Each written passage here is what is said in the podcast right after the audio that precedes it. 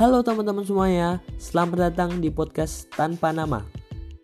Oke sebelumnya aku bakal jelasin sebenarnya apa sih podcast tanpa nama itu. Jadi podcast ini bakalan banyak membahas tentang kehidupan mahasiswa secara umum dari mulai masalah perkuliahan, masalah duit bulanan, sampai masalah perbucinan. Podcast ini sebenarnya aku bikin karena masa kegabutanku saat social distancing akibat COVID-19 atau virus corona.